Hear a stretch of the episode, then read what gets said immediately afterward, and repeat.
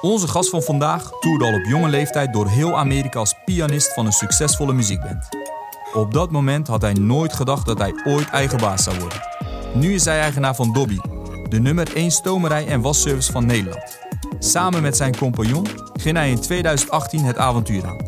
Inmiddels kent Dobby een landelijke dekking en werd het bedrijf uitgeroepen tot de beste stomerij van Nederland en zelfs de meest innovatieve stomerij ter wereld. Vol passie vertelt deze man over zijn persoonlijke reis en geeft hij inzicht in hoe een sterk bewustzijn je helpt om gelukkig en succesvol te blijven. Ik heb het over niemand minder dan Ruben van Pelt. Ja, daar zijn we weer, uh. Ja, ik heb dit wel gemist, Jermaine, met je ja, daar zijn we weer. Daar zijn we weer. Want het is eventjes geleden. Het is even geleden, ja. Niet, dat we met z'n tweeën deden. Ik wil geen uh, sneer uitdelen aan Moerad, want het was super gezellig de afgelopen keren met hem. Maar, maar je mist me wel. Ik heb jou wel gemist, ja. Ja, snap ik. Uh, we hebben vandaag een, weer een hele leuke gast uitgenodigd aan tafel bij de WeMasters podcast. En laten we gelijk beginnen. Ruben, kan je jezelf voorstellen? Mezelf voorstellen? Ja, tuurlijk. Ik ben Ruben van Pelt. Um, ja, ik, ik ben eigenaar, mede-eigenaar van Dobby. Dat is het voornaamste, denk ik. Uh, was een stomerijservice door heel Nederland. Dat doe ik samen met Maurits Tiethoff. Um, dus ik ben ondernemer. Daarnaast woon ik in Hilversum samen met mijn vriendin. Um, en privé ben ik, uh, is ondernemen heel erg leuk, maar vind ik vooral ook het, gewoon het leven in het algemeen uh, superleuk. Dus, en wat is het leven voor jou? Het leven, ja, positief, energie, ondernemend, genieten van de kleine dingen, veel buiten zijn, veel sporten, de wereld zien, um, verbinding maken, nieuwe mensen ontmoeten. nou, dat gebeurde hier ook al bij aankomst gewoon met mensen met energie en, en spirit. Daar ga ik goed op. Dus Mooi, ja. mooi, mooi. Ik ben even benieuwd, uh, want jij hebt nu een onwijs gaaf bedrijf opgezet. Maar ik wil even teruggaan naar het begin. Kan je ons meenemen in jouw verhaal? Zeker, zeker. Uh, ja, gaan we, gaan we best wel een stukje terug. Ik denk dat ik was 17, toen had ik de. Ik heb HAVO gedaan. En in mijn hele jeugdjaren wist ik eigenlijk zeker dat ik muzikant wou worden. Ik speelde sinds mijn vijfde al piano. En um, klassiek, eerst klassiek geschoold, daarna popmuziek en een klein beetje jazz erbij. En ik was 17, ik had de haven afgerond. Ik had uh, uh, het geluk dat we met de tweede fase zaten toen in haven. was net nieuw, dat je je, je, je keuzepakketten had, zeg maar. En ik had dan alle culturele vakken.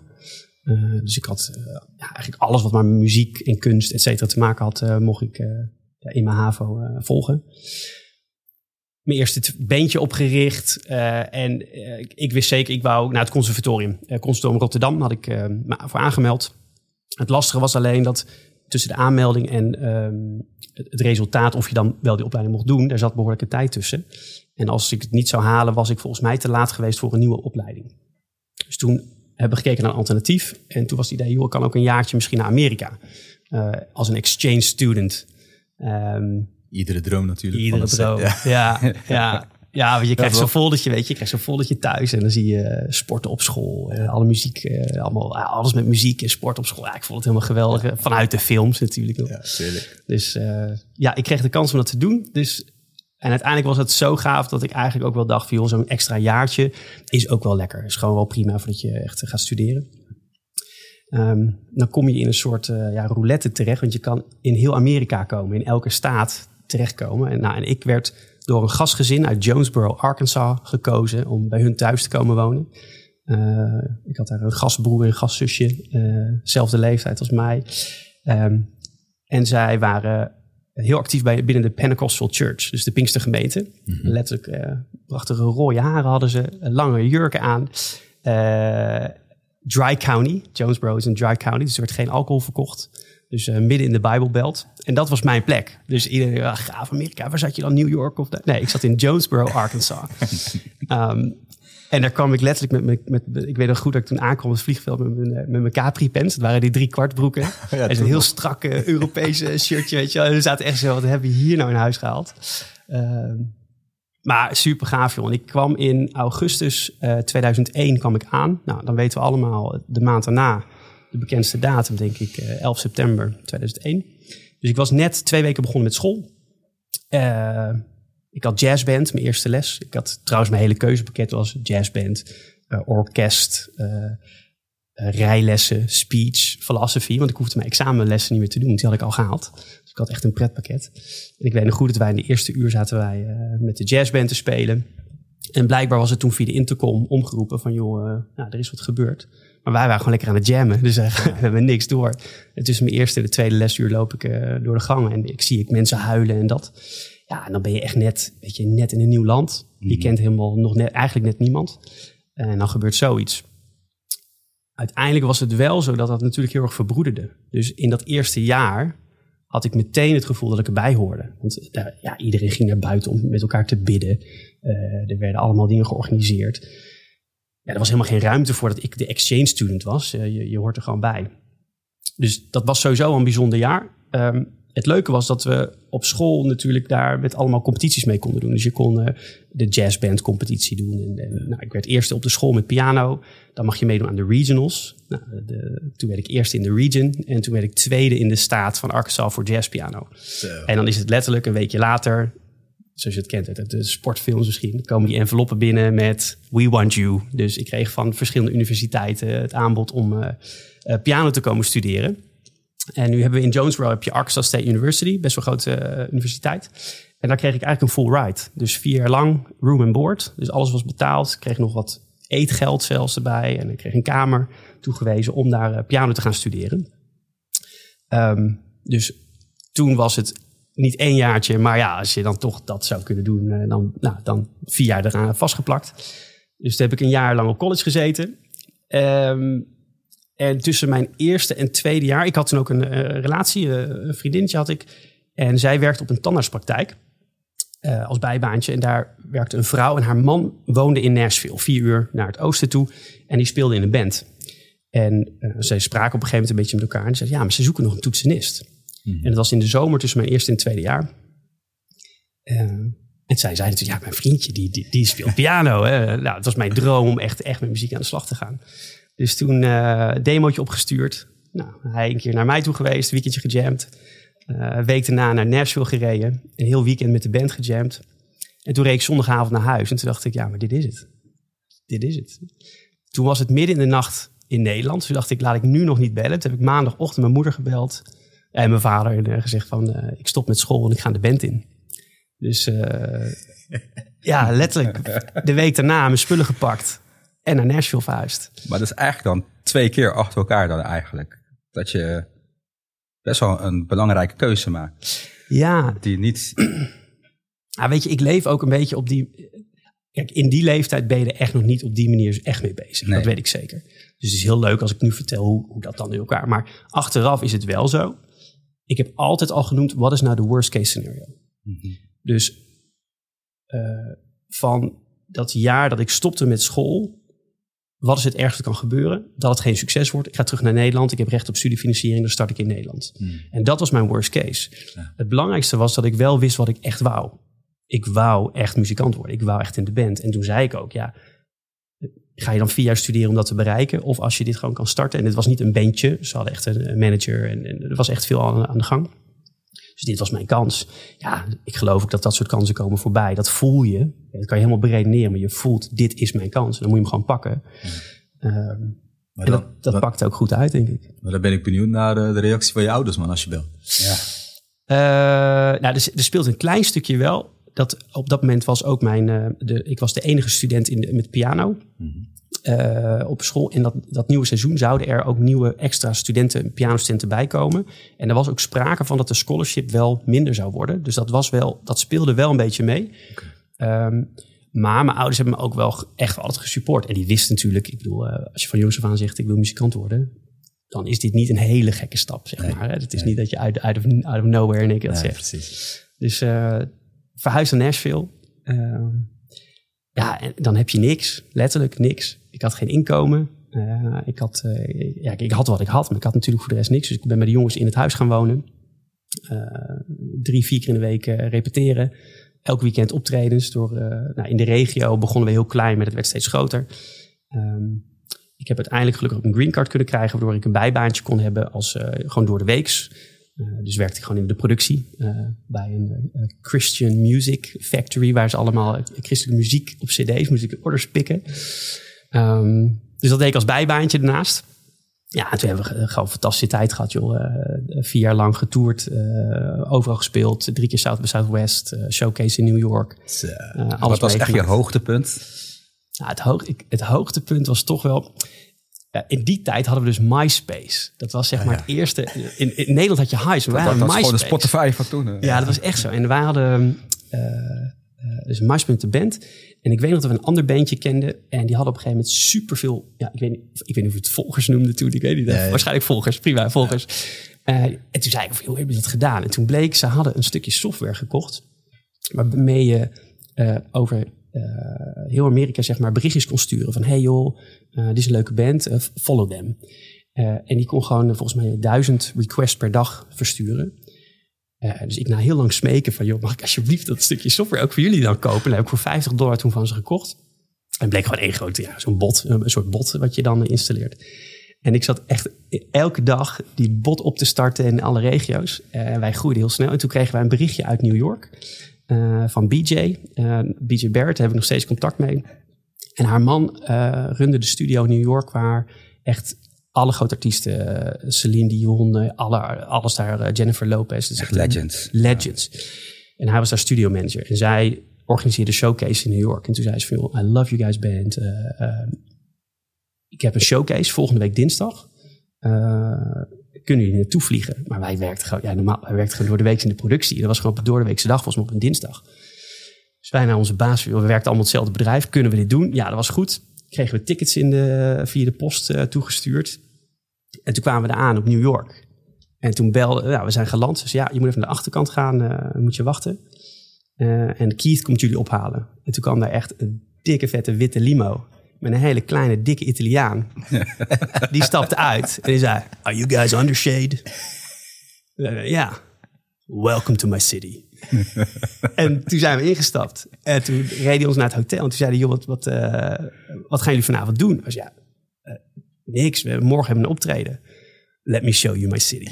en toen heeft hij ons serieus de hele nacht tot vier uur s ochtends met die limo hebben we daar door Amerika, of door, door New York gereden. En met zo'n limo kan je overal parkeren. Hè? Gewoon Times Square, overal kan je je auto neerzetten. we hebben die hele minibar leeggezopen. Echt, echt geen druppel was meer over. Uh, en de volgende dag die show. Dus het was zowel een hoogtepunt, maar dat was ook echt de belangrijkste showcase. En we hebben letterlijk onze zanger naar bed moeten dragen. Uh, dus dat was echt zo typisch zo van, ja, Echt net een film Echt net, ja, dat. Ja, ja, ja. Uh, we hebben een redelijk goede showcase neergezet, maar uh, niet voldoende om een plaatcontract te krijgen toen. Maar dat zijn wel, weet je, dat zijn ervaringen, dat, dat, dat, dat neem je de rest van je leven mee. Uh, uiteindelijk hebben we een album uitgebracht. Bij het tweede album liep dat op een gegeven moment, ja, je, je mist dat momentum op een gegeven moment. En dan voel je dat aan alles. En dan komt zo'n moment, iedereen in de band kent dat. Dat is een gevoel, dan weet je, het is klaar. Mm -hmm. Dan kan je omheen lullen, maar het is gewoon klaar. Weet je dus- wat daaraan ligt? Want dat zie je natuurlijk bij zoveel bands ja. gebeuren op een gegeven moment. Je gaat op zoek. Kijk, als je momentum hebt. Um, voor, in Nashville bijvoorbeeld heb je denk ik meer dan 100 cafés waar elke avond live muziek is. Elke avond. Uh, en er treden vaak twee of drie bandjes op een avond op. Dus het is echt duizenden bands. En dat is niet alleen country muziek, want wij speelden mm. ook gewoon rock, uh, rockmuziek, maar dat is een hele grote scene. De succesverhalen zijn die jongens die dat momentum hebben vast kunnen houden en die zijn daar gekomen. Maar voor elk succesverhaal zijn er gewoon heel veel beentjes die dat momentum kwijtraken. Het slaat net niet aan. Eh, je merkt dat de, de groep niet groter wordt. Uh, uh, het lukt je niet op een gegeven moment nieuwe optredens te boeken. dan ga je op zoek naar wat dan wel. en dan komen ze allemaal op met ondernemen is het eigenlijk hetzelfde. Hè? Het, is, het is een beetje dat warm, warm, warm, koud, koud spelletje. Van waar, waar zit het dan? En dan ga je nadenken. En onze zanger die zei, ja, ik wil meer die kant op. En wij wouden een andere kant op. Nou, dan ga je compromissen sluiten. Ja, en in muziek, dat is organisch, dat is energie. Dat is, eh, dat, ja. dat, als je dat met je hoofd gaat doen, ja, dan voel je hem op een gegeven moment wegappen. Ja. Ik uh, denk dat de grootste tip aan iedereen die gaat beginnen is wanneer een kleine dikke Italiaan je komt ophalen. Let me show you the city. dat je dat gewoon niet moet gaan doen. ja, of juist wel, hè. Gewoon, gewoon vol genieten. Nee, dus uiteindelijk hebben we toen, uh, was er een moment dat het gewoon klaar was. En toen uh, woonde ik er inmiddels vier jaar. Nou, ik had geluk dat ik met dat bijbaantje. Um, ik heb vanaf mijn veertiende altijd gewerkt Ik weet nog dat ik 13 was en tegen mijn vader zei: Joh, ik krijg veel te weinig zak, zakgeld, ik wil meer. Toen zei Nou, loop je naar de achterbuurman, die is eigenaar van de C1000 hierachter. En dan eh, vraag je maar aan hem of je meer kan verdienen, want mij krijg je het niet. Eh, dus dat heb ik gedaan. Dus op mijn veertiende ben ik, op de dag dat ik 14 werd, mocht ik beginnen voor 3 gulden 99. Ik heb mijn eerste loonstrookje bewaard. Eh, mocht ik gaan vakken vullen. Eh, en daarin had ik eigenlijk altijd al wel door, vakken vullen is gewoon super saai. Maar als je er toch bent, doe het dan gewoon zo goed als je kan. Want dan maakt het wel leuk. Dus ik was altijd proberen zo snel mogelijk dat te doen. En zo strak mogelijk dat te doen. Toen werd ik telemarketer. En dan eh, kon je, kon je, eh, kreeg je geld per afspraak. Toen dacht ik, ja, dan ga ik gewoon zo veel mogelijk afspraken scoren. En dat heb ik eigenlijk altijd wel vastgehouden. En in Amerika is dat helemaal extreem. Dus als je daar in de productie werkt, staat gewoon je naam op een bord. Dan staat elke dag hoeveel orders je hebt gepikt. En dan staat er gewoon employee of the week, employee of the month. En dan krijg je nog bonussen voor. En toen dacht ik, nou, als ik hier toch ben de hele dag, ga ik gewoon super snel orders pikken.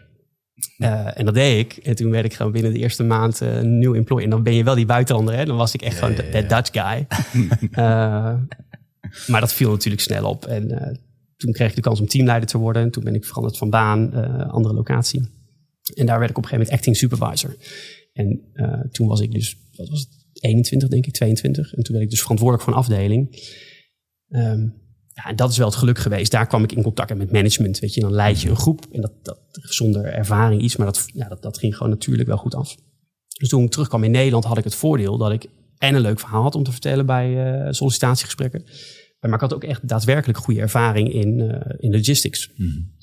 Dus toen kwam ik terug, was ik 23. Uh, en op dat moment ben je zes jaar eigenlijk in Amerika. Ja. Alleen. Ja. Zonder je ouders.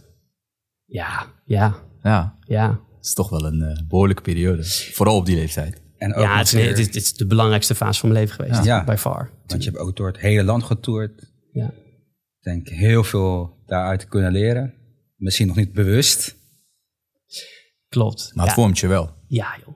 En het is zeker, ik denk ook het moment, ik, ik zeg ook altijd tegen jeugd, als je de kans krijgt om in je eentjes iets te doen, je leert er altijd wat van. Of je leert dat, dat je er niet klaar voor bent, maar je leert vooral dat je alles zelf moet doen. En dat is prima. Dat is gewoon goed om te ervaren. Dat mag je moeilijk vinden en dat mag zwaar zijn. Uh, maar je mag ook op het moment dat je daar landt voor de eerste keer, kent niemand je. Dus je begint op nul. Terwijl als je altijd met je eigen vrienden bent, dan blijf je altijd die persoon die iedereen al kent. Met al je geschiedenis, je fouten en je verhalen van vroeger. En dat vond ik daar wel leuk. Dat je gewoon opnieuw, je was gewoon helemaal even, gewoon wie, eigenlijk wie wil je zijn? Ja, geen label. Niks, nul.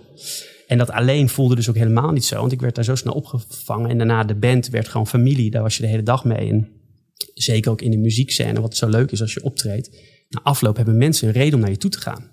Mm. Die kunnen dus gewoon na afloop naar je toe lopen en zeggen... Hé hey man, ik vond je muziek super gaaf. Hé, hey, dankjewel. Waar kom je vandaan? Ja, woon hier. Ja, heb je in één keer gesprek. Als je nu in de kroeg staat en iemand komt naar je toe en zegt... Hé, hey, iets, weet je, wat heb je een leuk shirt aan? Gaat het meteen ergens anders over en denk je, ja, weet je. Dus uh, het is een hele leuke manier. Dat, dat vergeten mensen, maar muziek is ook heel erg verbindend. Je hebt Ja. een- als je houdt van mensen, is het super leuk om uh, op die manier interactie aan te gaan. Ja, hij brengt het wel op- een leuke manier. Maar het waren natuurlijk die dames die naar je toe kwamen. En, eh, Ja, ik had krullen. Hè, tot, ik, je, je moet maar, je moet mijn naam maar eens googlen. Ik had krullen tot aan mijn schouders. En de eerste verhaal zouden Are those real? Ja, dat was zo. Nee, ja, mooie tijd. Mooi. Ja, Heb je daar nog een foto van, nog niet? zeker. wil ik zeker. wel zien. Die wil ik wel zeker. zien. Hij staat op mijn LinkedIn. Je moet mijn LinkedIn, maar ik heb laatst nog, eh, ik heb laatst voor eh, eh, een collega, een, eh, een middelbare school, deden ze een studieoriëntatie en heb ik dit verhaal ook verteld. Ja. En dan heb ik deze foto's er, Ja, super. geplaatst. Gaan we op. kijken. Ja. ja, toen kwam ik dus op mijn 23e terug. En, eh, en toen was hetzelfde. even bij mijn ouders gewoond. Toen zei mijn vader, eh, wat ga je doen? Toen zei ik, ja, weet ik niet, ik ben er terug. Ja, je gaat wel solliciteren, toch? Dus toen had ik binnen twee weken, eh, werd ik wel op pad gestuurd van gaan we solliciteren. En ik weet nog heel goed, ik had toen alleen nog maar, zeg maar, ja, artiestenkleding klinkt zo stom, maar ik had zeg maar zo'n colbertje met, rauw, eh, met rode randjes. En ik had echt letterlijk die krullen hier en ik had een fel rode blouse eronder. En eh, ja, daar ging ik dan mee solliciteren. Achteraf echt mooi. Kapotte, weet je, kapotte broeken. Ik had ook gewoon niks. Ja, ik had er niks anders. En nu is het mode. in de mode, ja, ja, ja. Ik, liep, ik, was, ik was een early adapter. Was, was een trendsetter. Nee, het was mooi. En toen, toen had ik natuurlijk het geluk. Het was 2007 en toen waren er enorm veel banen. Enorm veel banen. Eh, dus ik, ik had geluk dat ik binnen een paar weken echt een paar hele mooie eh, aanbiedingen had. En toen ben ik begonnen bij postbedrijf Cent als vestigingsmanager. Ehm, en daar gewoon een vestiging mogen runnen. Dat ging heel goed. En toen ben ik eigenlijk in vier jaar tijd elk jaar geswitcht van baan. Ehm, dat was dan jobhoppen, maar dat was helemaal niet bewust. Ik had gewoon een hele toffe baan, maar ik wist, ik moet echt wel een opleiding gaan doen. Wil ik verder komen, echt in mijn management. Uh, dat kon daar niet, dus ben ik op zoek gegaan naar werkgevers waar dat wel kon. Heb ik dat gedaan. Toen kon ik niks met mijn opleiding daar. Dus toen ben ik op zoek gegaan naar een bedrijf waar ik wat met die opleiding kwam. Uh, ik ben PostNL uh, een jaar bedrijfsleider geweest. Lean Six Sigma traject gedaan, optimalisatie, procesoptimalisatie bij de pakketten. Ehm, toen bij Modus Link, uh, eindassemblage voor TomTom Tom Europa, een hele grote afdeling. En daar merkte ik ook wel op een gegeven moment van man, echt 150 man onder je. Met, dan wordt het mensenwerk wordt op een gegeven moment wel steeds minder. Ja. En uh, dat was echt wel een beetje de max. Reorganisatie gehad, contract werd niet verlengd. En toen kwam ik eigenlijk in de fase van, oké, okay, verplicht weer. Waar sta je? Wat wil je? Um, gelukkig had ik mijn leven lang gewerkt, zat ik gewoon een WW. Dus ik kon en solliciteren, maar ook echt even rustig nadenken over wat wil ik gaan doen. Mm -hmm. En toen kwam ik bij Topcleaning. En hoe oud was je toen? Uh, 27. Oké, okay. redelijk jong nog. 26, 27, ja? denk ik. Ja, 27. Ja, maar toen leuk was, dat dus, toen werd ik gebeld, was een stomerij, 25 man. Kleine afdeling, prachtig goed, echt supermooi bedrijf. Uh, mijn baas was uh, richting pensioenleeftijd. Uh, en, en, met, met een grote glimlach. Ja, ja, ja. ik, weet, ik weet niet hoe leuk hij het vindt als ik het zeg. Nee, maar en dat was gewoon zo. En hij, hij zei ook van, joh, we willen gewoon wat rustiger aan doen. En uh, ik kreeg daar de kans om eigenlijk te ondernemen in loondienst. Mm -hmm. Dus ik kreeg volledig de vrijheid om uh, ja, echt gewoon alles wat ik had geleerd in die jaren daarvoor gewoon toe te passen. Um, ja, dat was fantastisch. Het was een hele leuke... leuke wat klik. waren die punten die je hebt geleerd van die vier jaar daarvoor? Vooral dat ik heel dat ik dat mijn, dat mijn kracht meer zet met mensen. Dus dat ik inderdaad, uh, hoe groter de afdeling, of hoe meer mensen, dat ik dat eigenlijk, dat, dat ligt mij niet goed. Dus ik ben veel beter in de kleine groepen, één op één, uh, dat stuk. Um, Blijft een muzikant, hè? Ja, maar dan kan je ook voor duizenden mensen Ja, wel, maar ik merk ook van grote muzikanten dat ze dan, wanneer ze in een kleine ruimte zitten, dat ze die feeling één op één ja. hebben. Dat dat gewoon veel. Uh... Ja, maar het is toch voor iedereen. Ja. Ik denk voor iedereen die houdt van mensen. Is het, kijk, het is leuk voor een grote groep mensen te spreken. Maar interactie met een grote groep is er niet. Dat is heel moeilijk. Klopt. Um, procesoptimalisatie uh, is zeker wel iets. En dat was daar leuk, want het was een fantastisch bedrijf. Maar de, in de processen die ze daar hadden, dat, dat was niet geoptimaliseerd nog. Dus daar kon je heel veel in kwijt. Um, ja, en daar heb ik vijf jaar lang gewoon een super mooie tijd gehad. Met echt een fantastisch team. We hebben daar echt hele grote stappen gezet. En na vijf jaar waren we, we hebben, zijn ze heel groot geworden in de bruidsmodus. Ik had een op een gegeven moment idee van, we deden, we waren gespecialiseerd in brand- en roetreiniging. Dat houdt mm -hmm. in dat je als je een brandje thuis hebt gehad, reinigen we alles voor je hele huis. Maar dat betekent dus ook de bruidsjurk op zolder, maar ook het ondergoed en de vieze wasmand, alles. Maar die bruidsjurken, daar waren we gewoon heel goed in. En toen dacht ik, joh, als we dat nou gewoon landelijk gratis gaan ophalen door heel Nederland, Um, dat is heel duur, maar dan gooien we gewoon het tarief verdubbelen. Dus normaal was 100 euro, dan maken we er gewoon 200 euro van. Gratis gehaald en gebracht aan huis. En 100% garantie dat we het schoon krijgen. En dan calculeren we in dat 2 à 3% lukt niet. En dat vergoeden we dan gewoon. Punt. Mm -hmm. En dat werd een booming business. Dus na, aan het einde van die vijf jaar waren we echt, echt wel marktleider op, op, op de, de bruidsjurken. Want dat was er toen nog niet. Ja, we deden dat regionaal. Ja. Weet je, dan praat je over 10, 20, 30 per jaar of zo. Nou, ja, dat, dat werd echt een business. Um, maar ook met marketing, een nieuwe website ontwikkeld. En we deden eigenlijk van alles met media. Uh, dat ging heel goed. Toen werden we twee keer beste stomerij van Nederland. Eén keer beste van Europa.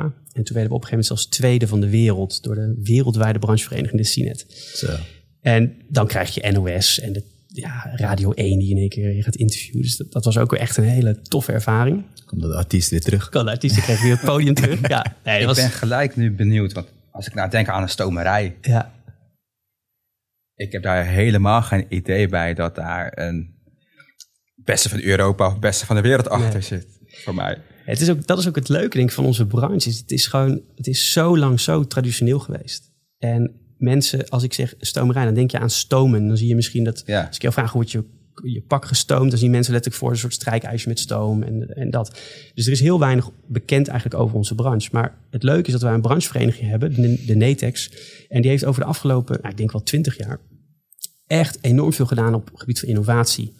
Maar daarin zie je ook dat media iets anders is dan innovatie. Dus ook, ook de, de manier waarop je het naar buiten brengt, naar het algemene publiek.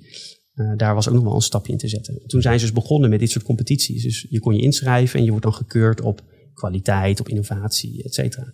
En dat werd eerst in Nederland gedaan, toen in Europa, nu wereldwijd. En dat is echt nu een mega groot platform. En dat hebben wij dus ook allemaal vrienden vanuit uh, Dubai en, en Engeland, Australië, Amerika. Dat is echt een community geworden met allemaal jonge gasten, zoals, zoals ik zelf ook. Ja, uh, in plaats van de traditionele stomerij. Die gewoon, ja, precies. Ja. Ik zie mee zo'n eenpitter. Ja.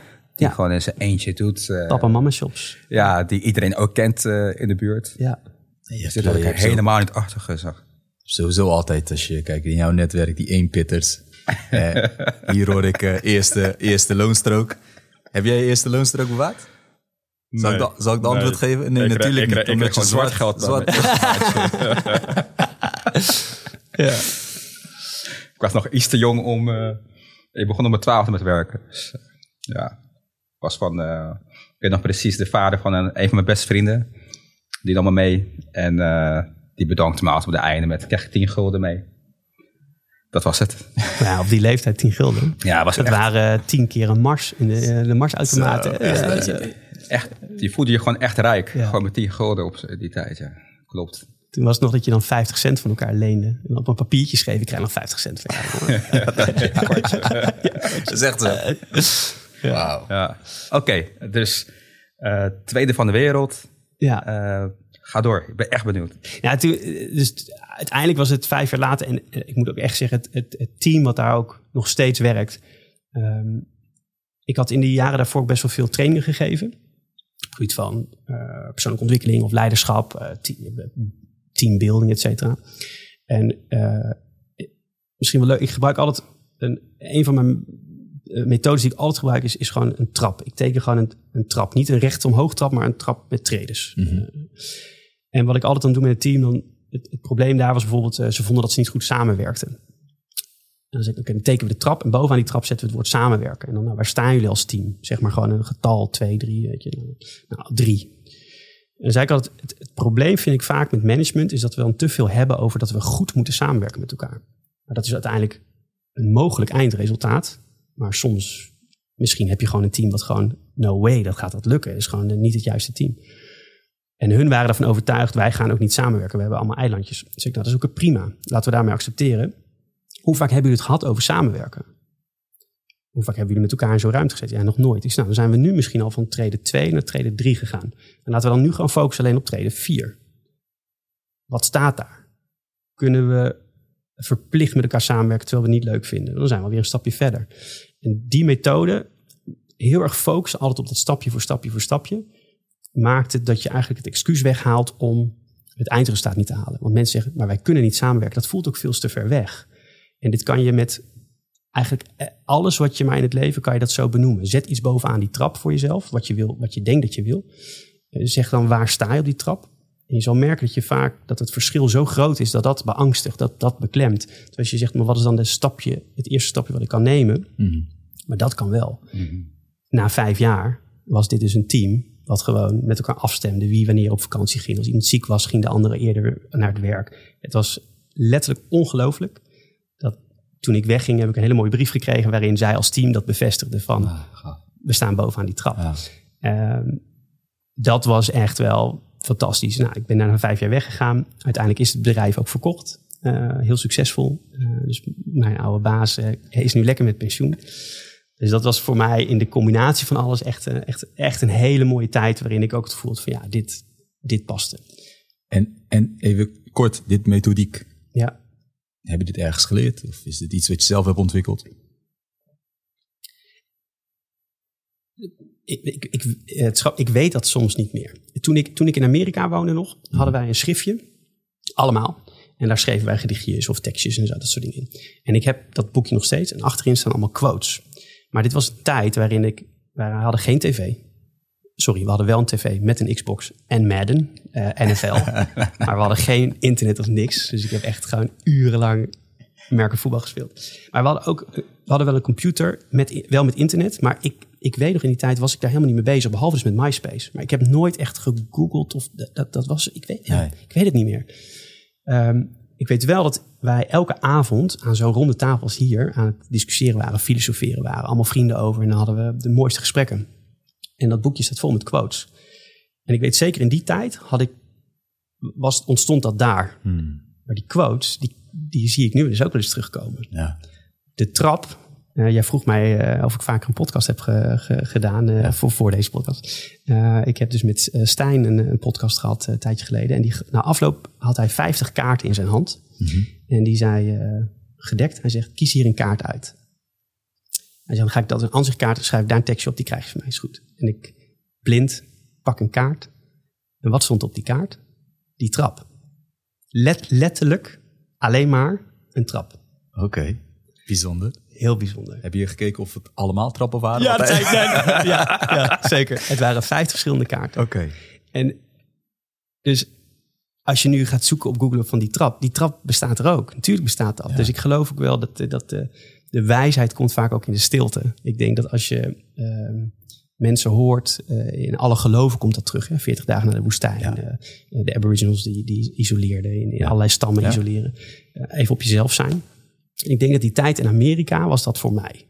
Even naar de stilte. En daarin zit gewoon veel wijsheid bij iedereen. Ehm, dus eh, ik heb wel het gevoel dat ik eh, heel veel van deze methodes, die voel ik en, en die herken je, maar die bestaan. Natuurlijk bestaat het. Ja. Natuurlijk bestaat het. Ja. Mooi man. Mooi verhaal toch? Ja, Ja. Huh? Als eh, Jermaine stil eh, valt, Ja, weet je vind- dat hij vind onder de altijd- indruk is. Ja, het is ook mijn ding. Ik bedoel, eh, coaching en eh, ja, weet je, quotes ook helemaal mijn ding.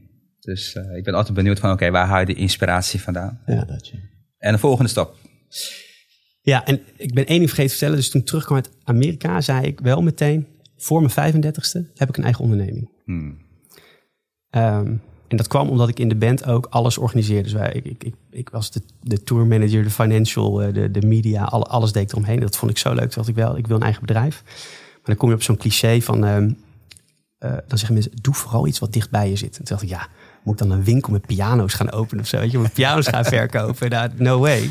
En dan ga je dat heel erg forceren. Weet je, ga je allemaal ideeën bedenken om een onderneming. Ja, ik, er kwam niks uit. Toen dacht ik, weet je, ik ga gewoon beginnen met werken. Maar ik heb altijd geroepen, voor mijn 35 wil ik een eigen onderneming. En elk jaar weer, ook in die tijd dus dat ik even zonder baan zat, zat ik weer, misschien moet ik nu voor mezelf beginnen.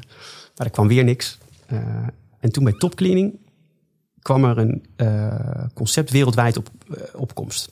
En dat was Laundry on Demand. En wij zagen in Amerika was er een partij dat heette Washio. En die haalde in één keer volgens mij 15 of 20 miljoen euro op aan investering in een wasserij. Nou, dat was echt voor ons allemaal. Als je nu in Nederland naar de bank gaat en je zegt: Ik start een stoomrijk, wil investeren, staat er een rode kruis naast. No way. Ehm, en toen was er in Engeland een partij, Landrap. En daar gebeurde hetzelfde. Die haalde op een gegeven moment eh, 8 miljoen op. En toen binnen een jaar weer 5 miljoen. En het idee was dus laundry on demand. Aan huis wordt je was en je stoom goed opgehaald en weer teruggebracht.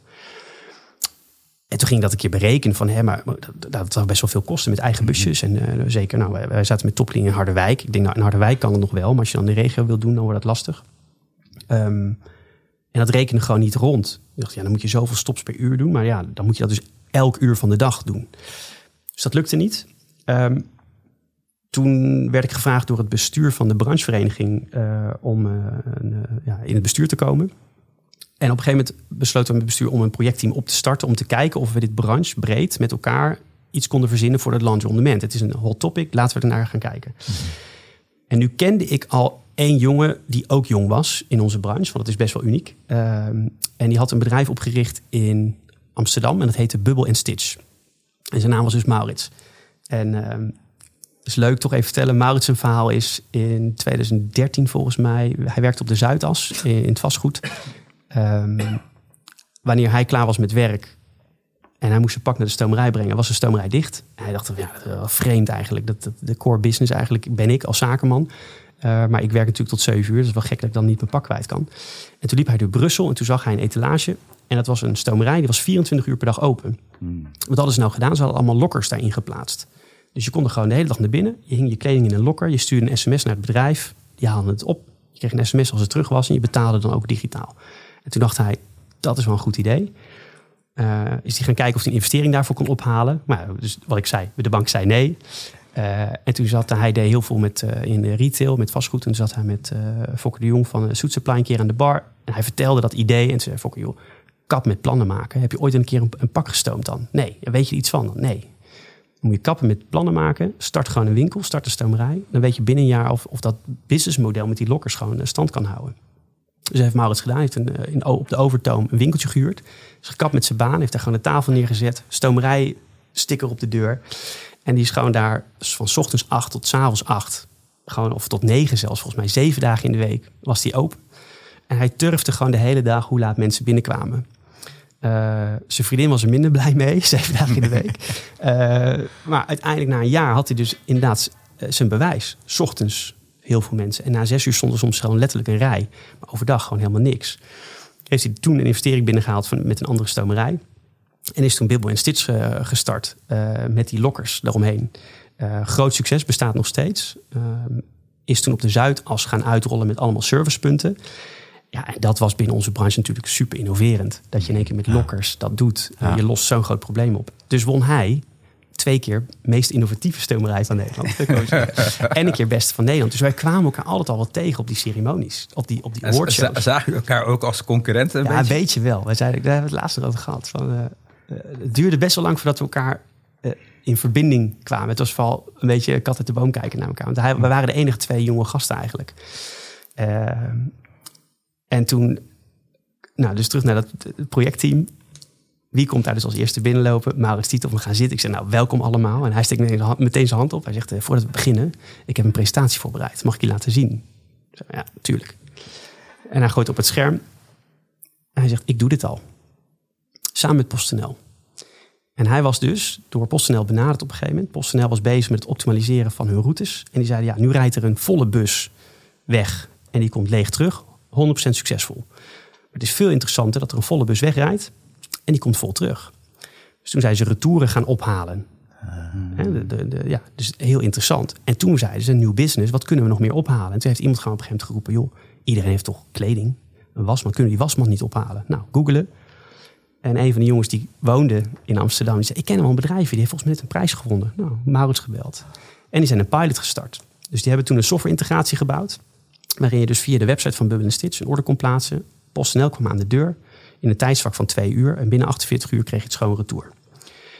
En dat was zo succesvol in zo'n korte tijd. Het paste in het netwerk. Ze hadden een oplossing ontwikkeld voor hangend vervoer. Heel belangrijk.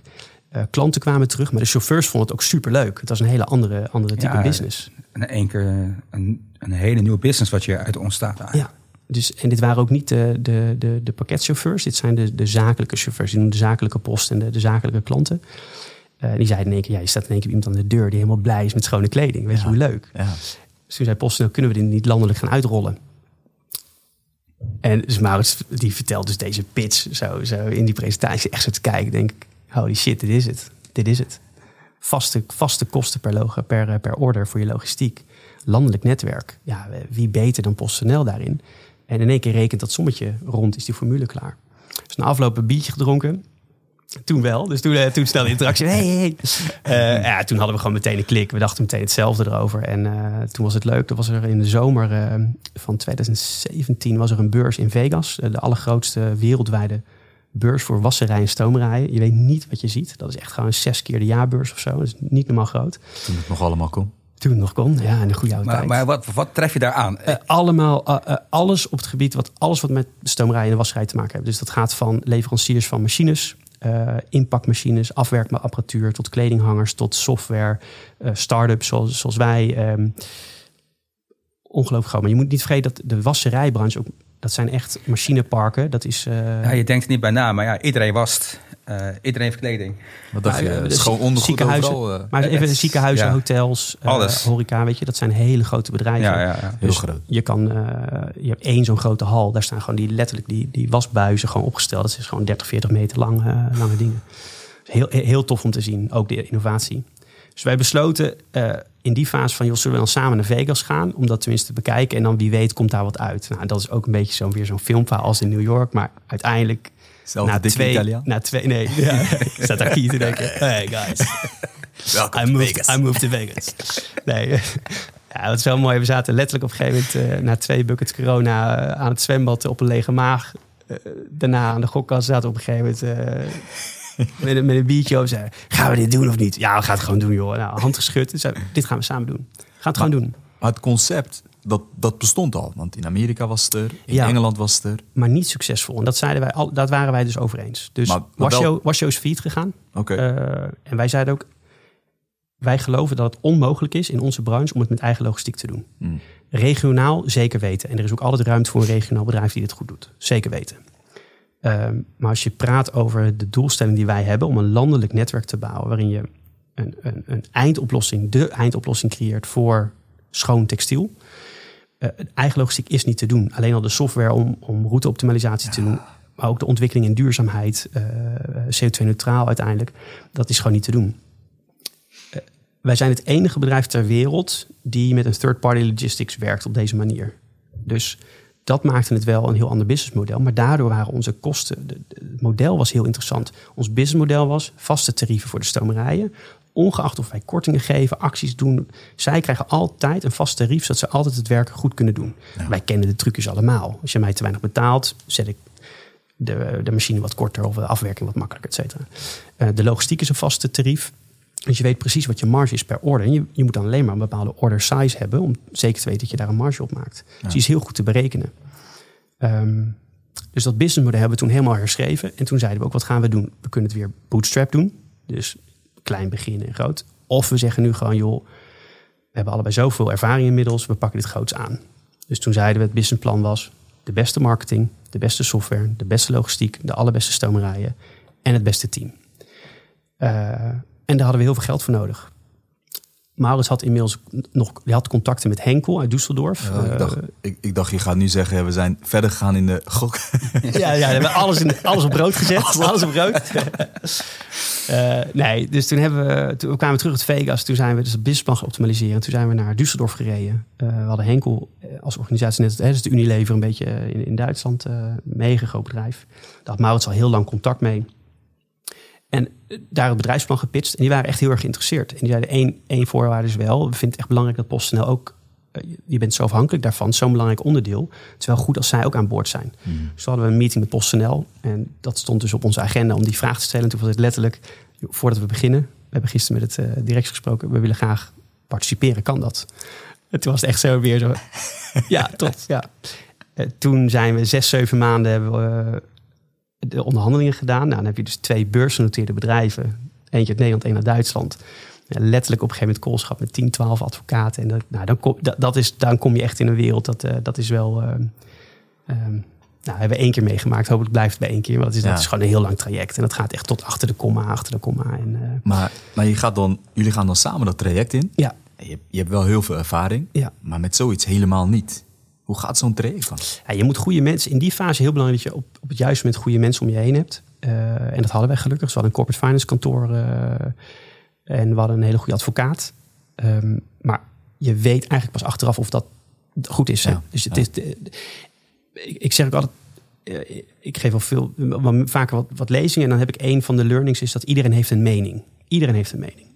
En ik denk dat het belangrijk is dat je voor jezelf moet bepalen of je iets weet of niet. En als je het niet weet, dat je dan klaar bent om advies te ontvangen.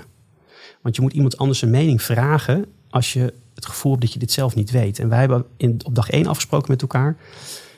Uh, it doesn't matter if you don't know. It only is a problem if you pretend to know. Hmm. En dat is denk ik in ondernemerschap wat je heel vaak ziet. Is dat mensen doen alsof ze iets weten. En dan loop je risico. Dus als je gewoon zegt, ik weet het niet. Dan moeten we dus iemand inschakelen daarvoor.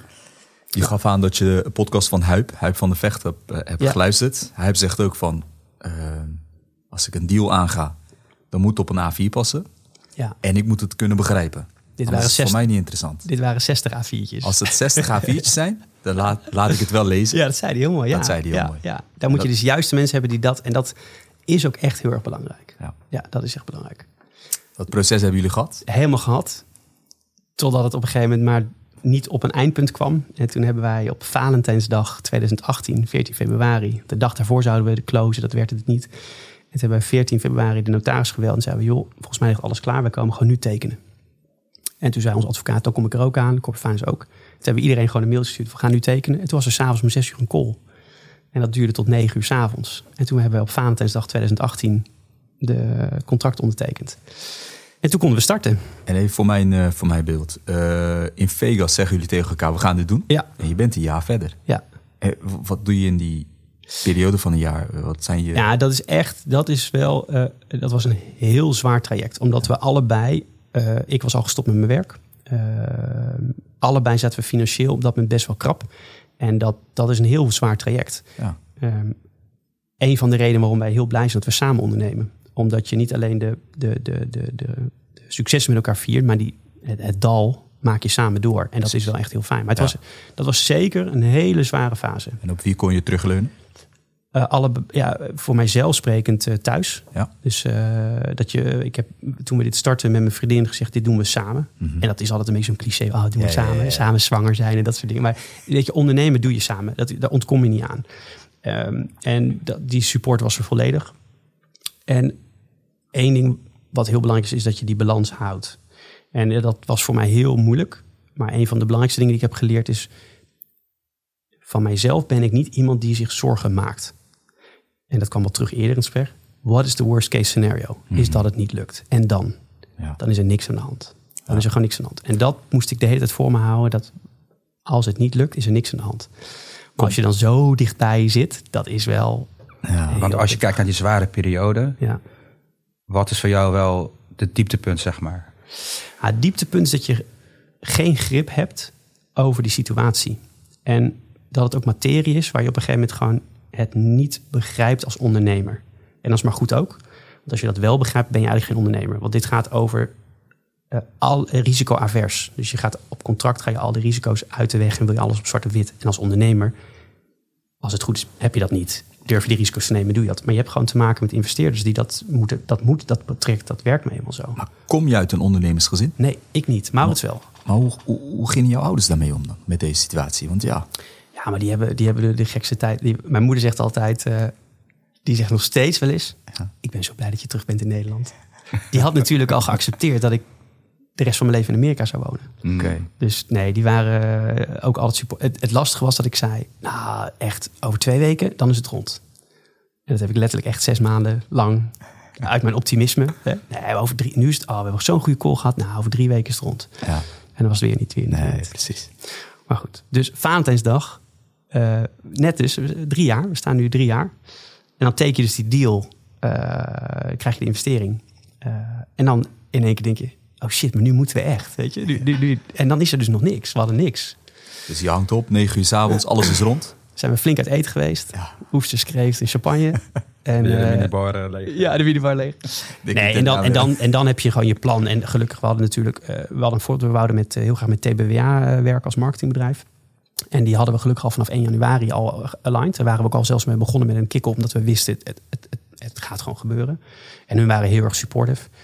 Ehm, eh, en Mobile Strategy bouwde, eh, ging de app bouwen, dus we hadden die combinatie. En toen hebben we eigenlijk in drie maanden tijd de naam ontwikkeld. Want we hadden nog geen naam ook. Dus we hebben de naam ontwikkeld, de branding ontwikkeld, de software afgebouwd. Eh, zodat we op 15 mei volgens mij konden lanceren. Dus dat was echt super snel. We hebben het echt in drie maanden tijd van nul naar lancering in Amsterdam ge- gebracht. En hoe, hoe kwam je op Dobby? Ehm, wij wouden graag een naam die, die, die kort en catchy was. Eh, .com moest beschikbaar zijn. We hadden wereldwijde ambitie natuurlijk. Eh, en we wouden een hint naar schone kleding, maar niet descriptive. Want iedereen was heel erg bezig met dat Washio, Laundrep, dat soort dingen. Dus we wouden een eigen naam. Wij geloofden gewoon over tien jaar is gewoon Dobby, net als de Uber of Zalando. Of weet je, het, het moet gewoon nergens eigenlijk op slaan, maar gewoon je eigen identiteit hebben. En voor de Harry Potter fans, ja, het is een hint naar eh, de huishelft van Harry Potter. Die krijgt zijn vrijheid terug doordat hij een kledingstuk krijgt. Dus die krijgt op een gegeven moment in het, in het boek krijgt hij een sok. En eh, daarmee krijgt hij zijn vrijheid. Dus wij zeggen, joh, geef jij, geef jij nou mij je kleding, dan krijg jij je vrijheid terug. En de Dobi, D-H-O-B-I, dat zijn de washermen uit India. Dus een- dat is, als je dat zou googlen, dan zie je zeg maar 50 man op een rij met eh, slaan in, met, de, met de was aan slaan in, in van die badkuipen. Ja, Dat zijn de Dobi. Oké. En wij vonden het gewoon super tof. Het zijn vier rondjes en vier streepjes. Dus eh, visueel Ja. ook nog eens leuk. Ga. Ja. Dus toen was er Dobby. Ja, mei. Ja, Alles. eh, eh, Tweeënhalf jaar geleden. ja. Ja. Maar, maar dan lance- lanceer je het. Ja, Die dus dat- dag? ja, dat is super Wat zijn, spannend. Ja, wat dan zijn moet op je dat dus moment de verwachtingen zeg maar, van jullie? hoog. We hadden eh, natuurlijk die hockeystick helemaal. eh we wisten al, alle clichés zijn natuurlijk waar. Wij, eh, ze zeggen altijd eh, alles duurt langer, eh, maar niet voor ons. Natuurlijk niet. Wij gaan gewoon vol gas. Wij gaan het wel redden. Dan zegt iedereen nee, ja, wees, nee. Weet je, dat is echt typisch, typisch ondernemer. hè. Dat, Ja. dat herkennen jullie denk ik ook. Zeker. Eh, dus we lanceerden ehm, in Amsterdam. Heel veel media-aandacht, wat fantastisch was. Het was natuurlijk best uniek. Twee grote eh, beursgenoteerde bedrijven erin. eh, ja, Ah, op, in Amsterdam, eh, binnen, binnen 48 uur terug aan huis. Superleuk, fancy. En dat ging best wel goed. Toen gingen we uitbreiden naar Utrecht volgens mij en Den Haag. En toen kregen we op een gegeven moment telefoontjes uit Utrecht of uit andere plekken. En mensen, eh, ik wil de Dobby Service gebruiken, maar jullie zitten alleen nog in Amsterdam. Ik, nee, nee, we zijn ook bij jou in de buurt. Oh, wat leuk, is ook in Utrecht, ja. Nou, toen gingen we dat nog meer uitbreiden. En toen kregen we die vraag steeds vaker. En dan werden we geïnterviewd. En stond in het artikel, nu live in Amsterdam. Dan zeiden we, nee, we zijn in de hele Randstad al live. En toen kregen we vragen uit Groningen en Leeuwarden en, en, en, en Maastricht. En toen dacht ik, ja, weet je, het allerbelangrijkste nu is zo snel mogelijk landelijk zijn. Dus het concept, misschien even goed, het concept is dat wij, eh, er zijn 40 logistieke hubs van PostNL, sorteercentra's. Die hebben Nederland in 40 regio's verdeeld. En die regio's hebben wij gekoppeld aan kwaliteitsstomerijen. Dus wij werken nu met 12 stomerijen samen. Dat zijn de, de, de, top van de markt. Ehm, en die, zijn, die rijden elke ochtend langs die PostNL-hubs om de orders op te halen en terug te brengen. En PostNL brengt het bij jou aan de deur. Dus het belangrijkste was voor ons zo snel mogelijk landelijke dekking creëren. Eh, en dat hebben we dus in een jaar gedaan. Dus dat was dus een, een jaar later op mei, in mei 2019 eh, waren we landelijk. Hadden we landelijke dekking. Ehm, het lastige was dat hoe verder je buiten de Randstad kwam, hoe duurder op een gegeven moment die marketing euro is. Want wij zijn gewoon niet een conversiegedreven product. En nu zijn jullie een marketingbedrijf ook. Ja. Eh, het is fantastisch e-commerce en eh, weet je, dat soort impuls aankopen. Maar stomerij is gewoon een noodzakelijk kwaad. Weet je, Jermaine, ik weet niet hoe lang jij had eh Colbertje niet hebt gereinigd, maar dat weet niemand. Misschien heb je het nog nooit gereinigd. Misschien heb je gisteren gedacht, ik moet hem eigenlijk naar de stomerij brengen, maar ik doe hem nog een keer aan. En we komen er allemaal mee weg. Eh, dus het is ook een product wat heel moeilijk te pushen is. Ja. Daarnaast zien we een tweede probleem, is dat 97% van onze markt begeeft zich gewoon offline. De stomerij op de hoek, de supermarkt, eh, het keermakertje waar je het inlevert. Dus ook al hebben wij een, echt een ultieme oplossing, hebben we echt gewoon een fantastische oplossing op dit moment voor heel Nederland. Eh, letterlijk elke postcode binnen 48 uur retour. Mensen zijn toch in die gewenning nog vanuit ja, ergens offline te brengen. Traditioneel, hè? Ja, boodschappen. Ik weet niet of jullie online boodschappen doen of niet. Ja, af en toe. Niet altijd. Ja. Ik wacht nog steeds op eh, geweldige verhalen die ik hoorde over Picnic. Sta ik op eh, volgens mij lijst nummer 1400 in Zwolle. Ja, Ja. Mijn mandje begint vol te raken met de aanbiedingen die ik in één keer kan ophalen. Maar de wasverzachters. de wasverzachters ja, ja, ja, ja. Dus hebben ze Heel leuk gedaan. fantastisch concept Ja, natuurlijk. Maar eh, het, is, het is het afwachten. Ja. Ze zijn net, eh, ik ben net vier weken in Hilversum. eh, Maar er komt op een gegeven moment een omslagmoment. exact. Ja, maar toch, 95%, meer denk ik zelfs nog van de markt van boodschappen, is gewoon offline. Ja. Dus wat wij zagen is dat we heel goed gingen met Dobby. Eh, ook mediatechnisch. We werden, werden vernoemd in, tweede- in 2018, nog eind van het jaar, werden we vernoemd tot meest innovatieve stomerij ter wereld. Eh, we wonnen in 2019 beste stomerij van Nederland met Dobby. Dus op zich ging het hartstikke goed. Zagen wij toch dat die echte marktpotentie nog ook op andere vlakken zat. Eh een daarvan was de ouderenzorg. Dus wij kregen op een gegeven moment een telefoontje van een, een meneer van 80 plus. En die zei, joh, ik heb net jullie app gedownload. Eh, maar ik bel toch even, want eh, is mijn order goed gegaan? Meneer Jacobsen, en dat was letterlijk, had hij zijn, echt een order geplaatst, fantastisch. En toen kwamen we erachter, hij zei, ja, mijn dochter doet normaal de was voor mij. Ik kan het zelf niet meer doen. Maar zij woont heel ver weg en ze moet altijd op en neer. Dus zij had op een gegeven moment gezegd, joh, pap, probeer dit eens.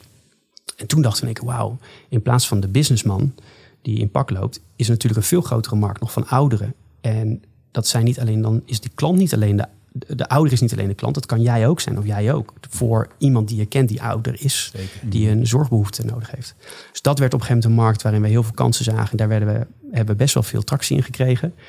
Uh, Ja, hoe, be- hoe, hoe bereik je die mensen dan? Offline? ja, dus dan, eh, dan, is, nou, dat, dat, dat, dan kom je dus weer op, dat, op die zoektocht. Warm, warm, koud, koud. Je benadert allemaal zorglocaties. Dan blijkt dat zijn allemaal contracten. Dus dat is heel moeilijk.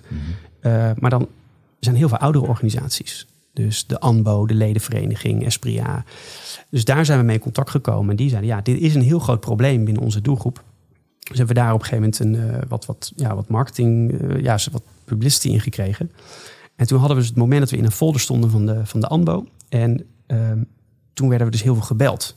En de eerste vraag was bij ons als je belde van ik wil een order plaatsen. Ja, wat is uw e-mailadres? Oh meneer, ja, maar ik, heb, ik heb geen e-mailadres. Ja, ja, dan werkt het niet. Weet je, we moeten iets met e-mail. Dus nou, helaas, sorry. En nou, oké. Vijf minuten later, telefoon.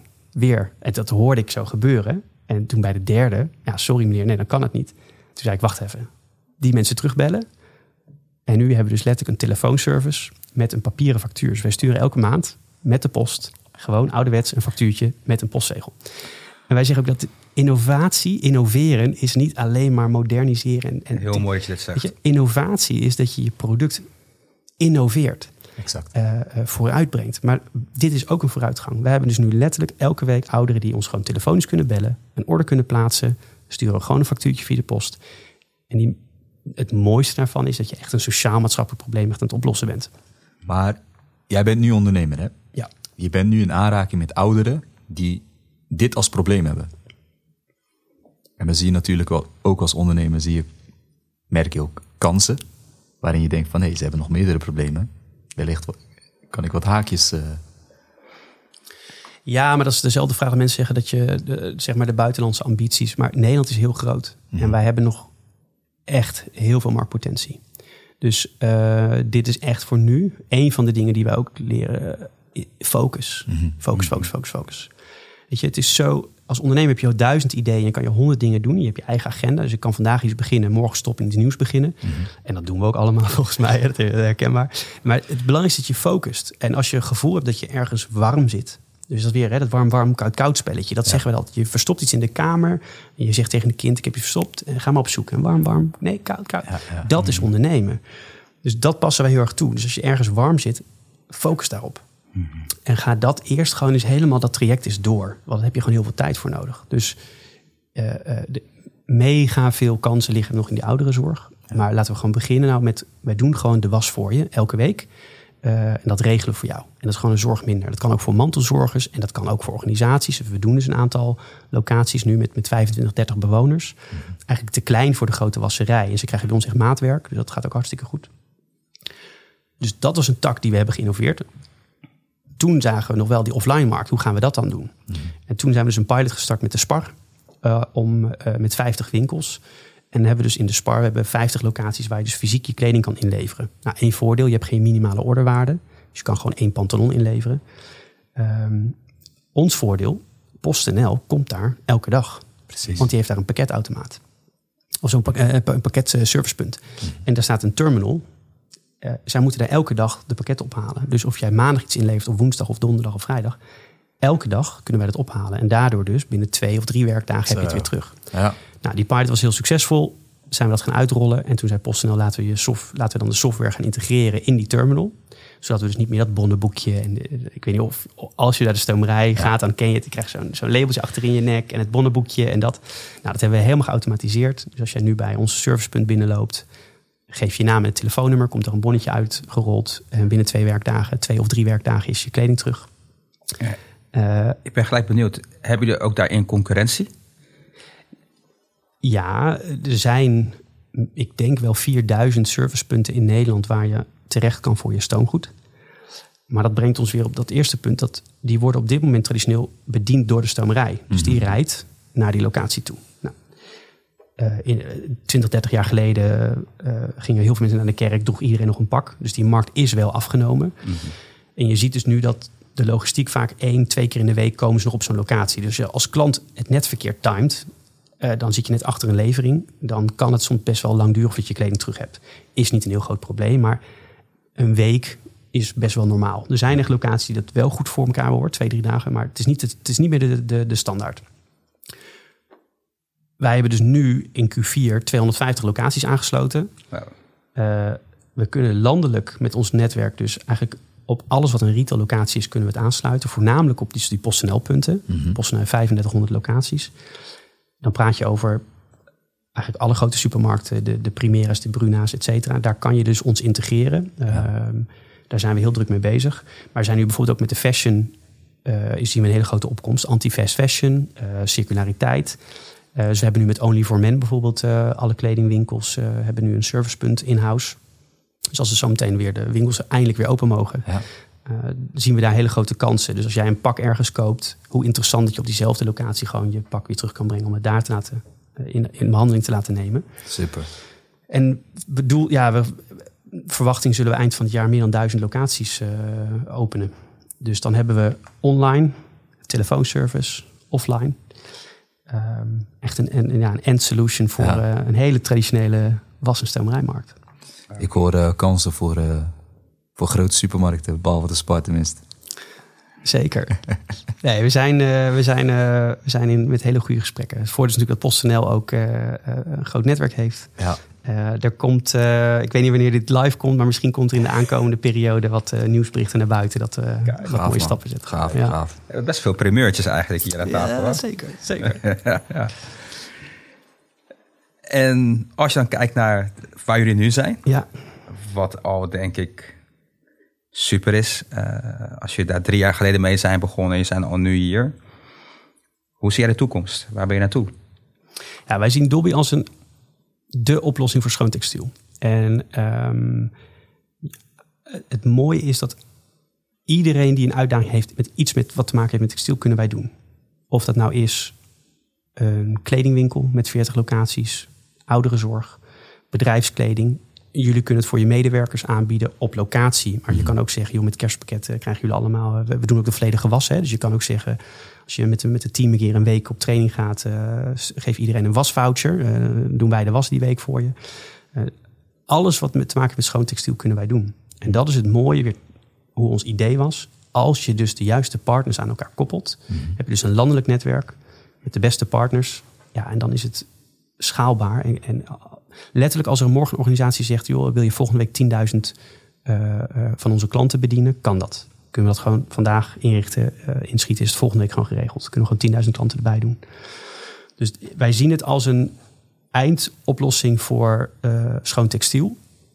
En ik denk dat de grootste potentie zit toch in die ouderenzorg. We zien dat ouderen steeds langer thuis moeten wonen. Eh, zorg is heel duur. Mantelzorg is een groot probleem. Ehm, en we zien dat daar de grootste uitdaging zit. Ook vanuit de overheid wordt er heel veel tijd aan besteed. En ik denk dat wij met Dobby een oplossing hebben aan huis die, die daar heel erg geschikt voor is. En dan nog, eh, ja, eh, Nederland is dan echt eh, heel groot. Dus ehm, Ja, ik vind het mooi dat je dat zegt, omdat de meeste ondernemers vaak zeggen, ja, Nederland is te klein. Ehm, maar ja, het is inderdaad, je hebt gewoon heel veel mogelijkheden om het hier op te bouwen. Denken jullie wel naar om het uit te breiden naar het buitenland of helemaal niet? Jawel, maar dat, we, we willen wel het liefst trouw blijven aan het concept. Dus dat betekent dat je een goede third-party logistics moet hebben. Ja. Ehm, dus die mogelijkheden liggen er zeker. Ja, ja, ja, ja. en daarnaast, dat je voor, me, voor mezelf, heb ik wel, hebben we ook gezegd... je moet ook als ondernemer zelf blijven nadenken wat je, wat je, met je, wat je zelf wil. En wat je doelen zijn. Ehm, en ik heb privé ook echt wel doelstellingen waar ik, wat ik ook, weet je, we hebben het gehad over een stukje balans, maar bijvoorbeeld balans vind ik ook belangrijk. Dus tuurlijk kan je meer, meer, meer en groter, groter, maar op een gegeven moment ik wil ook gewoon, gewoon een lekker leven hebben en gewoon kunnen ondernemen en mijn vrijheid in kwijt kunnen en creatief kunnen zijn. Ehm, ja, dus dat, dat vind ik ook heel, heel erg belangrijk. Ja, is, is het ook, eh, denk ik, het belangrijkste eigenlijk. Eh, zullen we gaan naar ons vaste item? eh?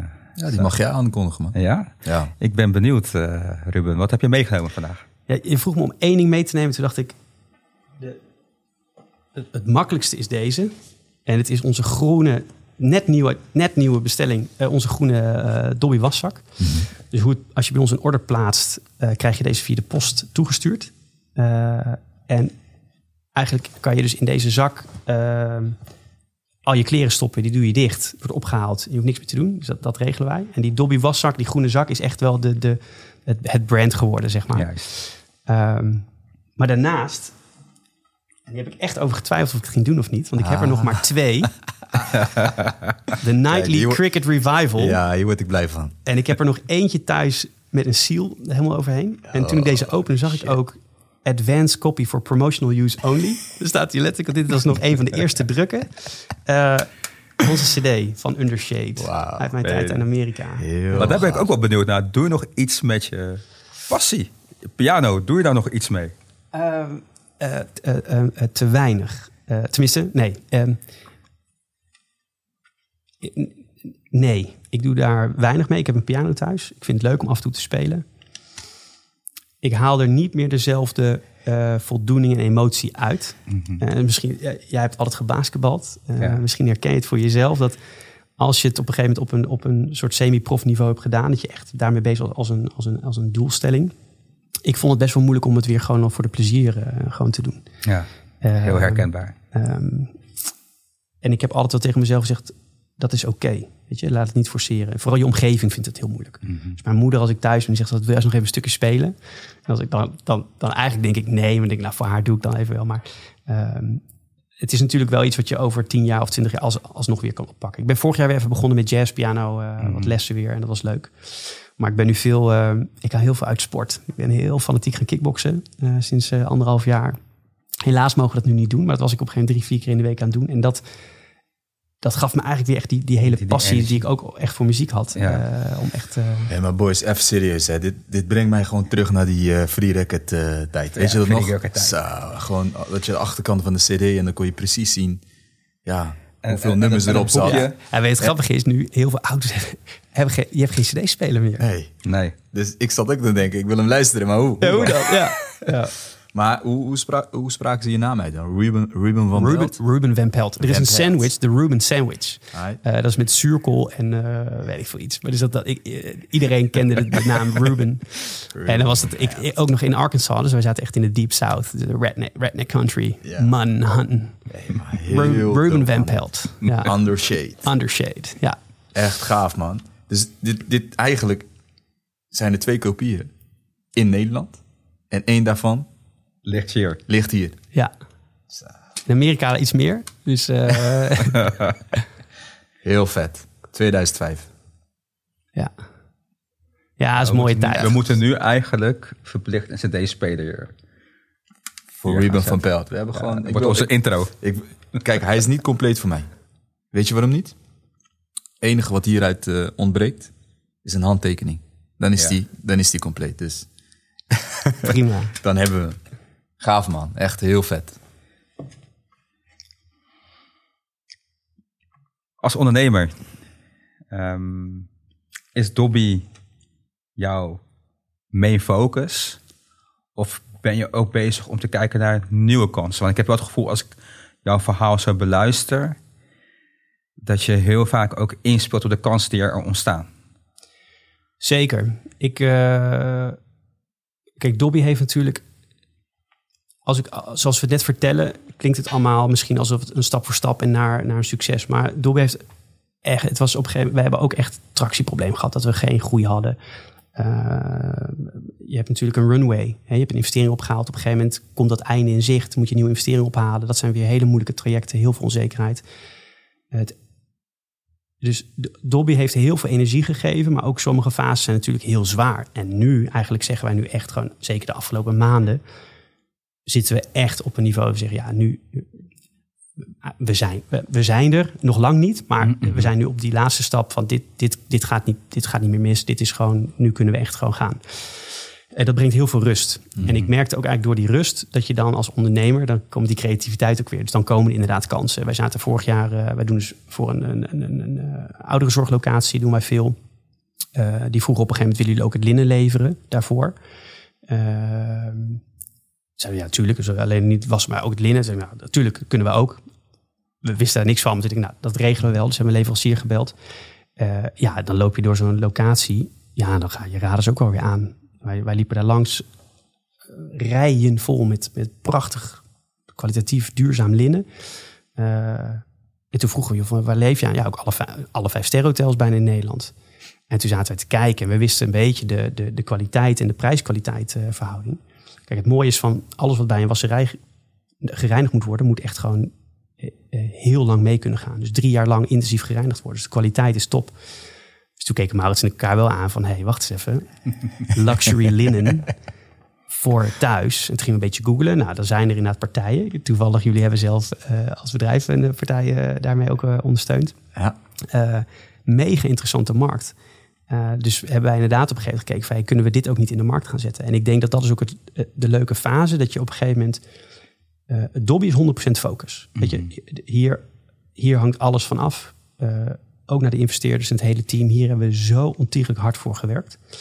Maar ik denk als ondernemer is het belangrijk dat je ook niet alleen maar één focus hebt. Want in de tijd dat we dat hadden, dan heb je ook het gevaar dat je niet meer nieuwe creativiteit, impulsen krijgt.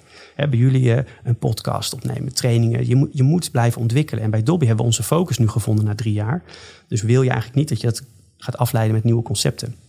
Dus inderdaad zitten we nu wel in een fase dat Maurits en ik aan het kijken zijn van joh, uh, we zijn een supersterk team geworden. Hele echte vrienden ook geworden. Ja. Uh, ja, dan liggen er heel veel kansen in de markt waar we ook zin hebben om als zijprojectjes op een leuke manier uh, weer te gaan ondernemen. En dan merk ik, dan gaat dat vuurtje toch wel ook weer een beetje branden, weet je. Dat is ondernemen eigen toch? Ja. ja. Dat, je dat, dat je dat gevoel hebt. Ja, en ik denk, ik, ik vergelijk, ik heb wel um, in die tijd van Amerika, we hadden wel echt heel druk. Hè? Dus elk weekend optreden, de hele week werken, super zwaar. En hadden we soms een weekendje vrij. Dan gingen we naar Chattanooga, de Smoky Mountains. Dan gingen we met de, met de bus naartoe. En dan gingen we lekker die bergen op. Prachtig natuurgebied. Er kwam bijna niemand. Um, en ik vergelijk het wel eens. Wij, wij kwamen dan... Eens een weekend kwamen we daar aan. Hadden we eindelijk een weekendje, een weekendje vrij. En toen kwamen we aan. Toen was het heel erg miserig en slecht weer. Maar dan moet je dus drie, vier uur in de auto zitten. En dan kom je eraan en blijkt het slecht weer te zijn. Ja, kloot. Hadden we nog geen uh, buienalarm. En uh, buienradar was er nog niet. Ja, ja, ja. En toen we, weet je, we gaan gewoon die berg op. En dat is een, een wandeling van 2,5 uur of zo naar boven. En toen liepen we daar en lopen, lopen. Ja, op een gegeven moment zo bewolkt. En het was gewoon, gewoon slecht weer. En dan loop je op een gegeven moment het moment in de wolken. En dan zie je eigenlijk helemaal niks. Twee meter ver. En dan loop je 20 meter verder. En in één keer kom je boven dat wolkendek. En ik weet het zo goed. Je, op een gegeven moment, je kon echt mijlenver kon je zien. Mm-hmm. Zodra je boven het wolkendek uitkwam, echt gewoon prachtig. Je kon echt weet hoeveel kilometer weg, wegkijken. En ik vergelijk dat wel eens met zowel met persoonlijke ontwikkeling, en maar ook met ondernemerschap. Er is soms gewoon een punt dat je nog lang niet boven die berg bent, maar dat je in één keer wel helder ziet. Dus je komt op dat punt dat je ergens boven komt en dat je denkt, ah, en dan ben je er echt nog, nog lang niet. Hè? Je bent er echt nog niet. Ik maar zie weer die trap voor mij nu. Dat, ja, maar dat is ook wel, ook dit zie ik bij mensen wel. Als je mensen in twee categorieën, onder de wolken of boven de wolken. En beide is oké. Okay, weet je, je moet die, die journey afleggen. Maar er komt een moment dat die klikt. Dat je denkt, dit is het. Je geluk vinden of je purpose vinden of je visie, weet je. En dan ben je er niet, maar dan heb je wel het gevoel. En ik denk dat wij nu, Maurits en ik, in een fase zitten... dat we het gevoel hebben, we zitten boven die wolken. Hmm. Weet je, we zijn gewoon dat stukje... Hij klikt Ruben, gewoon. Ruben, ik weet hoe oud je bent. Je klinkt als een 70-jarige. en thanks, uh, ik, ik, ik, hoor ook een, uh, een boek aankomen, als ik jou zo hoor. Ik weet niet tijd, ik, nog een quote. Uh, dit is... We, zit, we, zitten al, uh, we zitten al over die uur. Dus Oké, okay, nou, ga ik, ga, deze, ik ga deze nog vertellen. dit is namelijk een andere. Um, ik heb, ik heb op... Ik heb, dan gaan we terug naar het boekje. Ja. Het boekje. Ik schreef op een gegeven moment gedichtjes. Nou, ik was daar niet zo heel goed in. Ik heb ooit één mooi gedichtje geschreven. En dat ging eigenlijk over het beeld dat als je nou 75 bent... Uh, en je kijkt terug op je leven en je hebt een mooi leven gehad... dan, dan schrijf je een boek. Ja. Toch? Dan heb je een heel mooi, mooi boek. Um, en er zat een zin in, ik weet niet of ik het nog herken. Uh, uh, the book was already written before the story was ever told. Want eigenlijk, en toen kwam ik tot het besef, en dit, dit, dit, zo zie ik ook mijn leven. Enjoy the road, zeg ik ook vaak. Maar uh, ik besef me heel goed dat elke dag dat ik leef, schrijf ik aan dat boek. Mm-hmm. En de mooiste boeken zijn niet Ruben was 17, ging naar de HAVO, ging conservatorium, werd muzikant en klaar. Dat is een saai boek, daar komt geen boek van uit en dat is helemaal prima. Tegenslag, spanning, et cetera. Dat maakt een mooi boek. Uh, we hadden het over uh, Huip, hmm. uh, over de, de, de, kippen, de kippetjes ja. voor de podcast. Maar weet je, een mooi boek is een mooi verhaal. Maurits en ik hebben helemaal in het begin ook tegen elkaar gezegd... laten we dan omgaan met tegenslag dat hebben we echt, echt in elkaar gezegd. Tegenslag, dit wordt een fucking mooi hoofdstuk. Mm-hmm. En we hebben echt momenten gehad dat er dingen gebeurden dat we echt dachten, hoe dan? En dan zeiden we, joh, maar dit, dit wordt een fucking mooi hoofdstuk. Als, we dit dus, als dit lukt mm-hmm. en je gaat daar doorheen, heb je dus dat verhaal wat je aan het schrijven bent. En zo zie ik dus eigenlijk wel mijn leven ook, dat de grootste tegenslagen, en dat is voor heel veel mensen nu bijvoorbeeld ook met corona, uh, uh, het schrij je schrijft wel je boek. Ja. En, en, en hoe wil je dat dat boek eruit ziet? Ja. En hoe wil je dat dat verhaal zich ontwikkelt? En tegenslag is hartstikke mooi. Weet je, dat, is, dat is heel goed voor je boek. Alleen je moet het wel. Ik probeer dat ook echt zo te ervaren. Dus ik had vorige week die, die, eh, die, eh, voor die studenten vertelde ik dit. Eh, en toen zei ik ook van joh, ehm, probeer nou de volgende keer als je het gevoel dat iets onrecht op je afkomt of iets slecht. Probeer nou dat te zien als dat hoofdstuk wat je gaat schrijven. Van hé, hey, maar dit, is, als ik, dit ga ik sowieso flikken. Dus dit wordt een heel mooi stuk van mijn verhaal. Ja. En dat helpt mij om dat zo elke keer weer te zien. Ehm, dus ja, dat er misschien ooit een boek komt. Maar ik heb het gevoel dat dat, dat nou, of het dan een podcast is of een verhaal, weet je. Het is, het, is een, het is een boek wat je schrijft elke dag. Nogmaals, je klinkt als een 70-jarige Ruben. Je, veel wijsheid. Ja. En ik denk ook, eh, eh, vroeger hoorde je dit heel vaak. Ga maar op je bek. Daar leer je van. En dat komt er ook weer in terug. Eh, op dat moment als, als, als, als jochie denk je van, ja, hoe bedoel je eh, op je bek gaan? En, en waarom zou ik dat doen? Ik kan het toch goed doen? Maar eh, het is goed dat je, dat je juist lering trekt uit dit soort momenten. Het is goed dat je dit meemaakt. Want dan kan je erover vertellen. Het is goed dat je dat daar hebt gezien. En dat vond ik heel mooi van je verhaal. Dat je denkt van kloten weer. Maar dan kom je daar boven en dan denk je van ja man, gelukkig zijn we hier Ja. gekomen. Dit Ja, is het leven komt echt op je af. Hè? Je, kan alleen maar, je hebt alleen controle hoe je ermee omgaat. En dat, is echt, dat is zo'n zo'n groot cliché, maar dat is echt elke dag probeer ik dat te onthouden. Het leven komt op je af. En daar moet je goed mee omgaan. Ik kan nu naar buiten lopen, kan wat gebeuren. Weet je, dat, dat, dat soort voorbeelden kennen we. Maar als je daarna probeert te leven, dat, dat eh, geeft me maar ik, vind, ik vind het echt een supermooi metafoor op eigenlijk alles wat het is. Is dat voordat je dit toppunt hebt bereikt, kom je in zo'n fase dat je een soort van verdwaald voelt. Dat je niet weet waar je naartoe gaat. En in één keer kom je inderdaad daar en dan klopt alles voor je gevoel. En, en dit herken ik heel mooi in jouw verhaal. En ehm, als je dan ook kijkt naar Dobby, wat was voor jullie dat moment, dat omslagpunt? Dat je dat echt zag, dat je boven de wolken kwam. ik- dat is eigenlijk net echt deze maand geweest.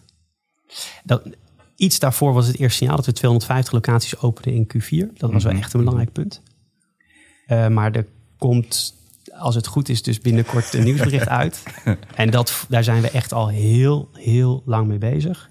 En daarin komen de, alle proposities, maar ook het, de merknamen, dus PostNL. En, en we zijn powered bij Persil hè, door Henkel. Dus ook het merk Persil. En, en, en nou, alles komt daarbij samen. Dat je dan ziet van, maar dit is dus die propositie die we ooit voor ogen hadden. En die klopt. Dat is zo'n stap voorwaarts. Dat, dat is wel het rustpunt. Zo. Van, ja, en we zijn er niet. En eh, we moeten nog veel doen dit jaar. En er moet nog van alles gebeuren om het echt een succes te maken. Maar Het kan, kan het zijn dat je over drie maanden zegt van... Nee, dat was toch niet... nee. We hebben nog een, Oh, nog, nog een... nog een hogere moment dat we het Ja. nu echt alles zien. Ja, dat kan wel. Want dat, dat is... Ja, ik kan, ja, het is echt... Misschien moet ik over een halfjaartje terugkomen. Nee, deze week zijn er weer dingen gebeurd. Weet je, het mooie is... eh, eh, eh, wat jij al in het begin zei, van de stoomrijwereld is heel onbekend. Mhm. Er, is een, er zijn heel veel markten in opkomst die met ons te maken hebben. Eh, rental, dus rentalkleding, wat heel groot is. Ab- abonnementsvorm zelfs. Circulariteit, dus kleding weer innemen, een tweede leven geven. Maar reiniging is daar altijd een onderdeel van. Eh, allerlei tenders waar zakelijk gezien... eh, er zijn zoveel grote partijen in Nederland die daarmee bezig zijn.